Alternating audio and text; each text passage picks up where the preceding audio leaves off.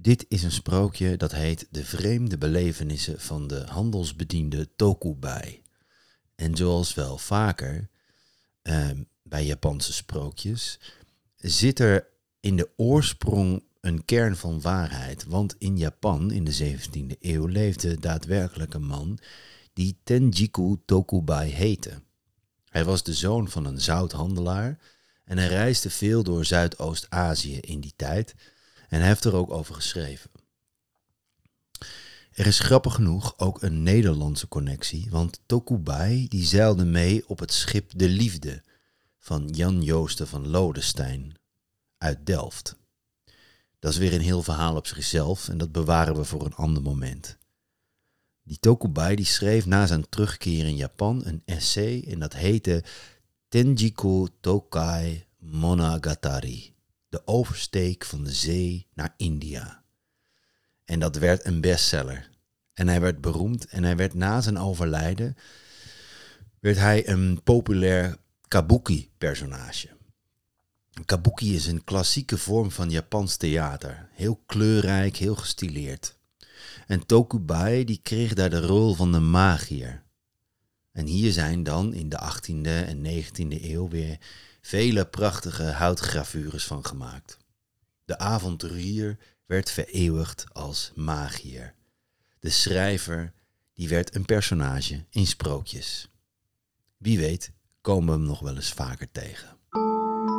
Welkom bij 10 Wijze Heksen, een podcast vol sprookjes, mythes en legendes.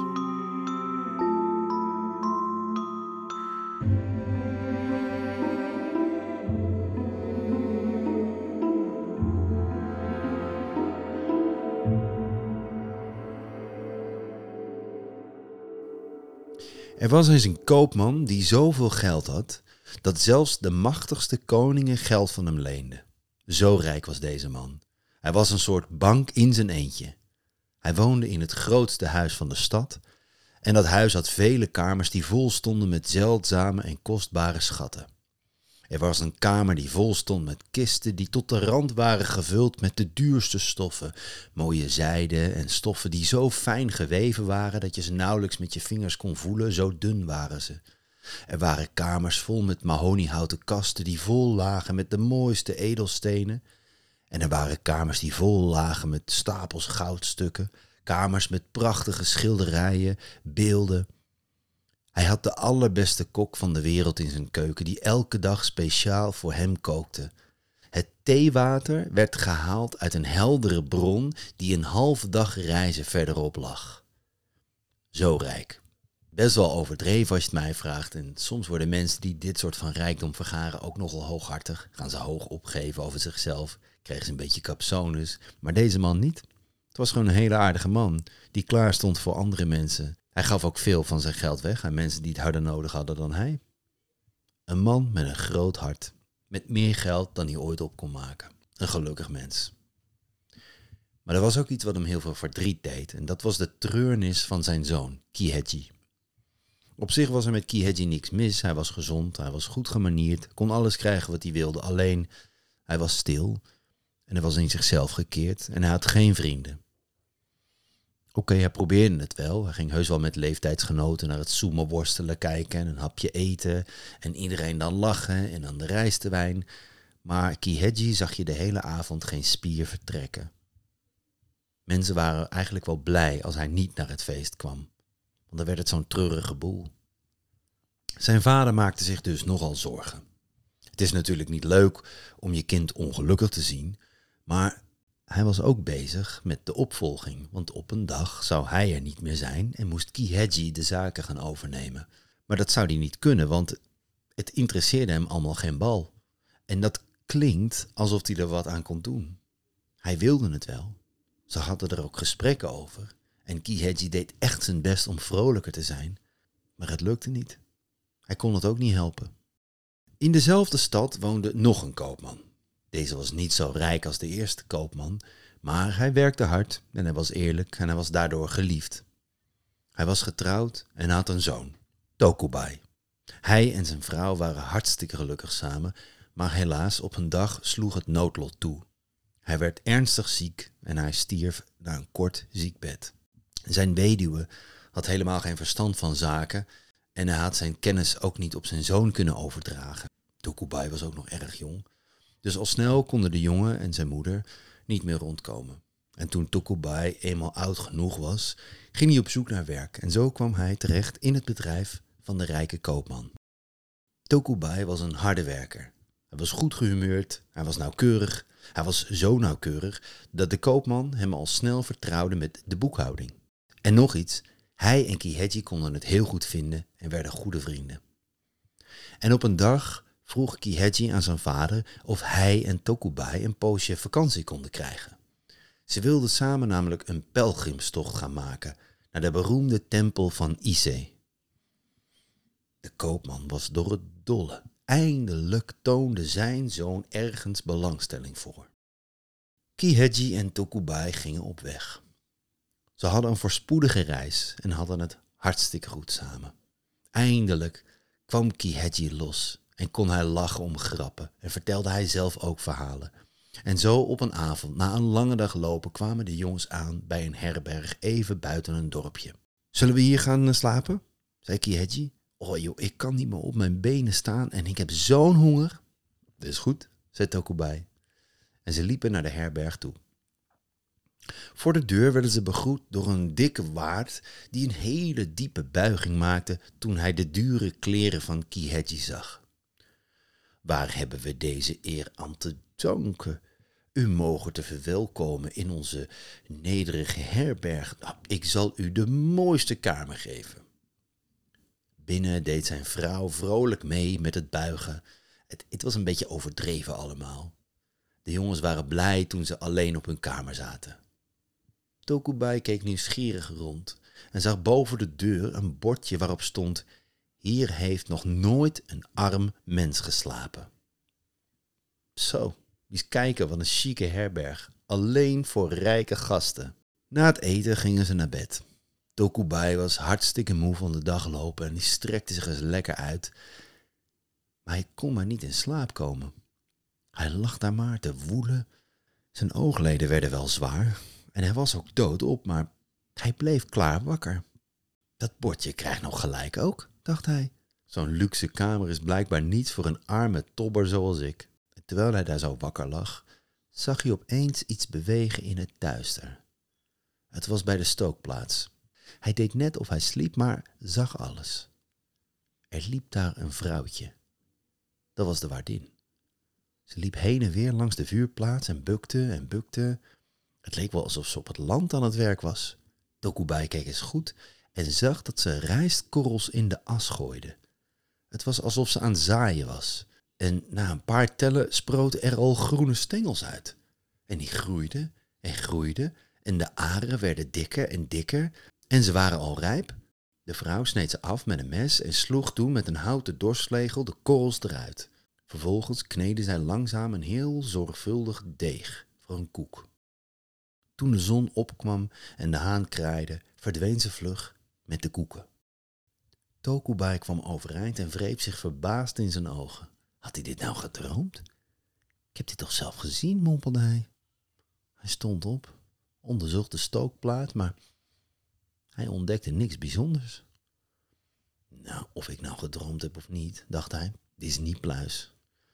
Snel liep hij naar de kamer van zijn vriend Kiheji om te vertellen wat hij had gezien. Hé, hey, Kiheji, Kiheji, luister man, wat ik nou gezien heb?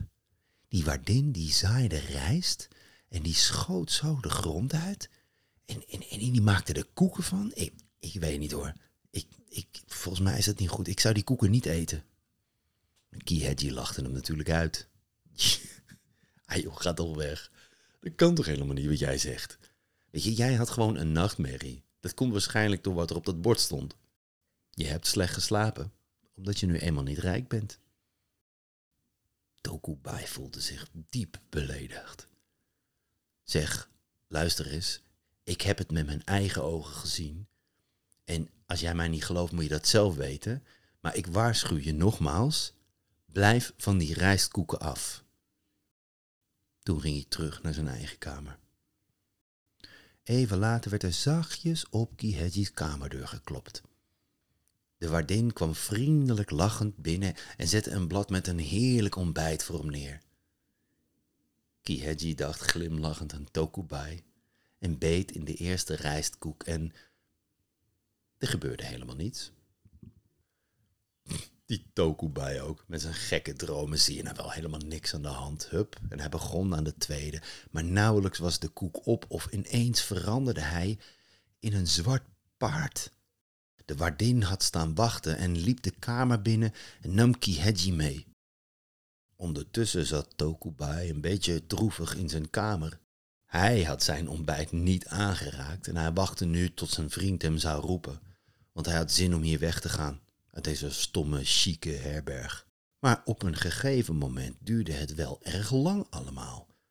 Waar bleef die gast? Tokubai ging eens kijken. Kiheji was verdwenen.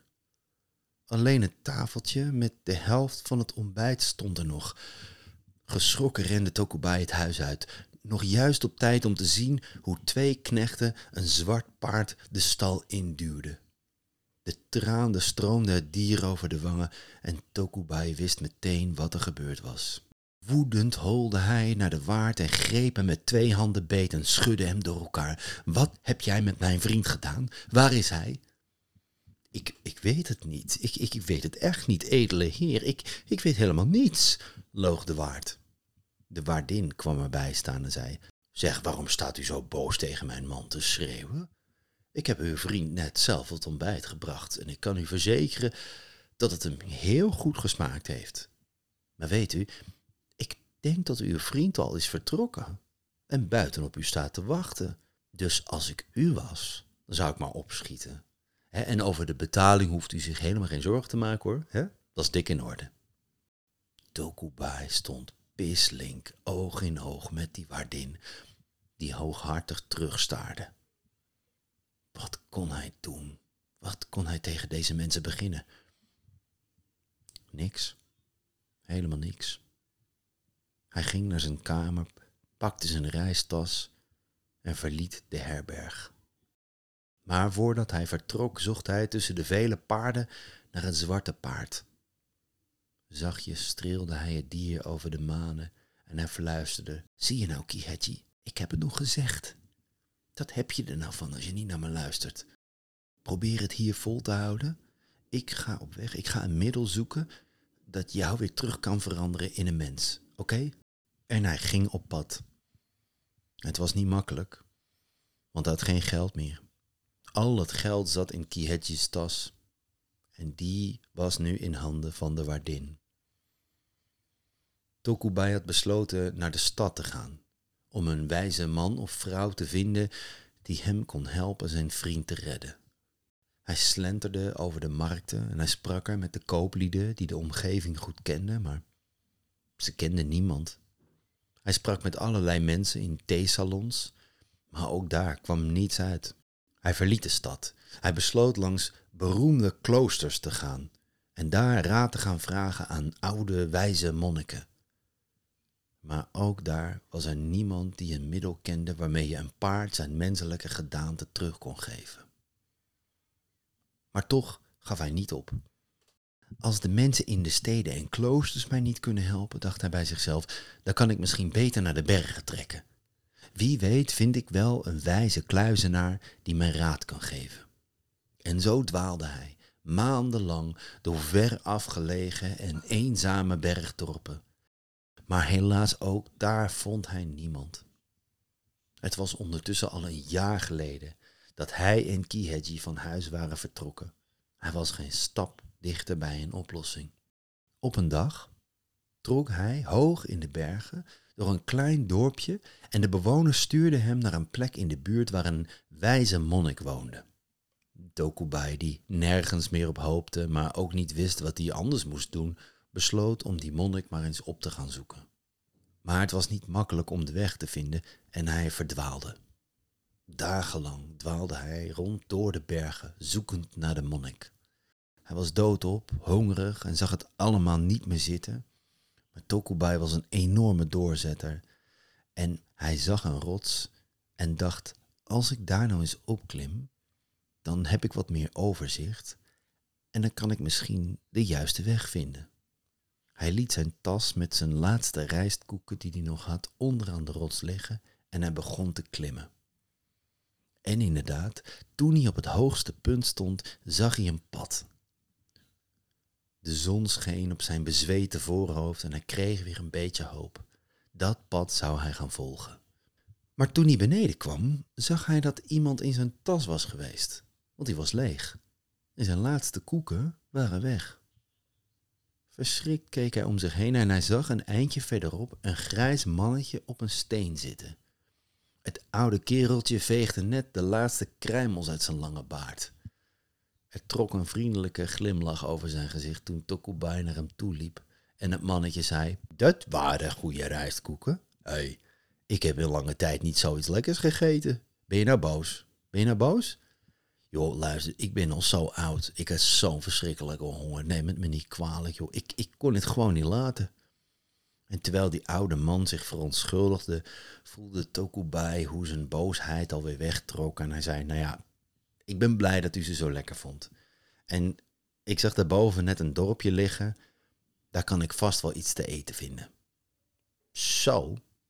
Zo? Jij moet wel een heel goed hart hebben, hè?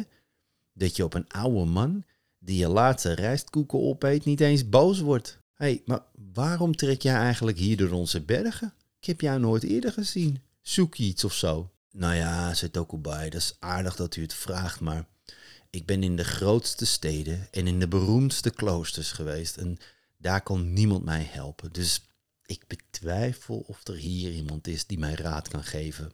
Als ik jou was, zou ik het toch maar zeggen, zei de oude man. Want jij moet weten dat ik geen gewone grijsaard ben, maar de grote geest van deze bergen. Ja, kijk, ik kende jou niet, daarom wilde ik jou op de proef stellen. Maar jij bent zo aardig geweest tegen mij net. Je weet hoe dat gaat. Dat soort goede daden worden beloond. Nu begon Tokubai echt te stralen van blijdschap. De mensen hadden hem niet kunnen helpen, maar de grote geest van de bergen, dat was wel even wat anders. En dus vertelde hij de oude wat zijn vriend Kiheji was overkomen en dat hij nu al een jaar lang als paard gebruikt werd door die foute gast van een waard en zijn gemene vrouw de waardin. Hmm, bromde het oude mannetje. Hmm, tja, ja. Dit zal niet eenvoudig zijn hoor. Ja, ik kan jou wel raad geven, maar het zal je heel wat geduld en heel veel energie kosten. Tokubai, die nu toch al een jaar had volgehouden en duizenden kilometers had gelopen, knikte verbeten naar de grote geest van de bergen. Oké, oké. Oké, luister. Loop steeds naar het oosten. Steeds naar het oosten. Lopen, lopen, lopen naar het oosten. Tot aan een helling. Een helling die van het westen naar het oosten afdaalt dan vind je een veld vol met aubergines. Daar moet je goed zoeken. Daar moet je goed zoeken, want er is er maar één, één plant die zeven vruchten heeft. En die moet je hebben. Al die zeven vruchten pluk je voorzichtig en dan breng je ze naar jouw vriend het zwarte paard. En als hij ze dan één voor één rauw opeet, dan is de betovering verbroken. Nadat hij dat had gezegd, was hij poef verdwenen. Alleen de lege tas was het bewijs dat hij niet gedroomd had, maar net voor het echi met de grote geest van de bergen had gesproken. Hij ging op weg. Hij greep de tas en hoorde geen rinkel. Hij keek en daar blonk goud. De oude man had er een paar goudstukken in gestopt. Heel handig, maar gemakkelijk was zijn opdracht niet. Hij wist nu wel waar hij naartoe moest en wat hij moest doen. Maar ja, hij zou toch echt eerst die planten moeten vinden. Hij trok steeds verder naar het oosten, steeds verder, steeds verder, totdat hij eindelijk een veldje zag. Eén veldje. Veldjes met aubergineplanten zo ver het oog reikte. Grote en kleine, allemaal veldjes die afdaalden van het westen naar het oosten. op zijn knieën onderzocht hij plant na plant na plant na plant. De een na de ander, veld na veld na veld na veld. Maar er was er niet één met zeven vruchten. Nauwelijks was hij klaar met het ene veld of hij wankelde naar het volgende. Zijn knieën lagen open, zijn rug deed zeer, zijn vingers zaten vol met sneetjes en blaren. En hij ging verder. Vier, vijf, vijf, nee. En toen vond hij eindelijk vond hij er eentje met zeven. Zijn adem stokte. Hij telde 1, 2, 3, 4, 5, 6. Wanhopig liet hij zijn hoofd zakken. Het waren er maar zes. Dodelijk vermoeid strompelde hij tenslotte naar het laatste veldje. Hij stond krom van de pijn. Hij kon zijn ogen niet meer open houden. Trillend tastten zijn vingers langs de ene na de andere plant, tot aan het einde van het veld een plant stond, zwaar van de vruchten. Hij begon te tellen. 1, 2, 3, 4, 5, 6, 7. 7? 7. Zijn hart sprong uit zijn borst van vreugde. Hij kreeg weer energie en hij stopte de zeven aubergines zorgvuldig in zijn tas en begon toen aan de terugweg. Eindelijk, eindelijk, zijn vriend zou gered worden. Hij voelde blijdschap, hij voelde dankbaarheid. Dankjewel mam, dankjewel voor de goede zorgen. Pap, dankjewel voor de goede opvoeding. Grote geest van de bergen. Zonder uw raad en goudstukken was het nooit gelukt. Die goudstukken brachten hem plotseling op een idee. Voordat hij de herberg bereikte, kocht hij dure kleding en leende van de koopman alles wat een rijke jonge man op reis bij zich heeft. En daarna ging hij naar de herberg, waar die slijmjurk van een waard natuurlijk weer overdreven stond te buigen. Ik heb een lange reis naar de tempel van Ise achter de rug, sprak Tokubai. Ik zou hier graag overnachten. Ik neem aan dat u een behoorlijke kamer heeft voor mij? Zeker, edele heer. In onze herberg slapen alleen maar aanzienlijke en rijke mensen zoals u. Ik zal u onze mooiste kamer geven. U zult zeer tevreden zijn. Die vreselijke waardin kwam er ook nog bij staan en onder begeleiding van vele buigingen en complimentjes brachten ze Tokubai naar zijn kamer. Het bleek dezelfde kamer waarin Kiheji een jaar daarvoor geslapen had. Toen de waard en de waardin verdwenen waren, sloop Tokubai naar de stal om zijn vriend op te zoeken. Broodmager stond Kiheji daar, in een donkere hoek. Honger en zware arbeid hadden hem zo verzwakt dat hij zijn hoofd niet eens op kon tillen toen Tokubai naast hem stond. Hij streek Kiheji liefdevol over zijn manen en hij zei, Hé, hey, hé hey man, ik ben het. Luister dan. Al jouw ellende is nu voorbij. Ik heb het middel meegebracht waardoor jij weer in jezelf kan veranderen. En hij trok snel de tas met aubergines tevoorschijn. Hier, kijk, eet dit op, dan komt alles in orde. Het paard had niet heel veel zin in zeven rauwe aubergines. Tja, wie wel? Maar goed, het vermaalde langzaam de eerste vrucht. En toen de tweede en de derde. En met moeite ging de vierde ook nog wel naar binnen, maar de vijfde liet hij liggen. Wat is dit nou met jou? zei Tokubai. Ben je zo gelukkig met je paardenbestaan? Hm? Luister, jij eet nu al die aubergines op. Heb je me gehoord? En Tokubai dwong het paard die aubergines op te eten. Nauwelijks waren ze doorgeslikt of daar stond zijn goede vriend Kiheji in de stal. Ze waren zo blij. Ze omhelsden elkaar. Hé, hey, Kiheji, luister. Ik ga eerst afrekenen met die twee, met die waard en zijn vrouw.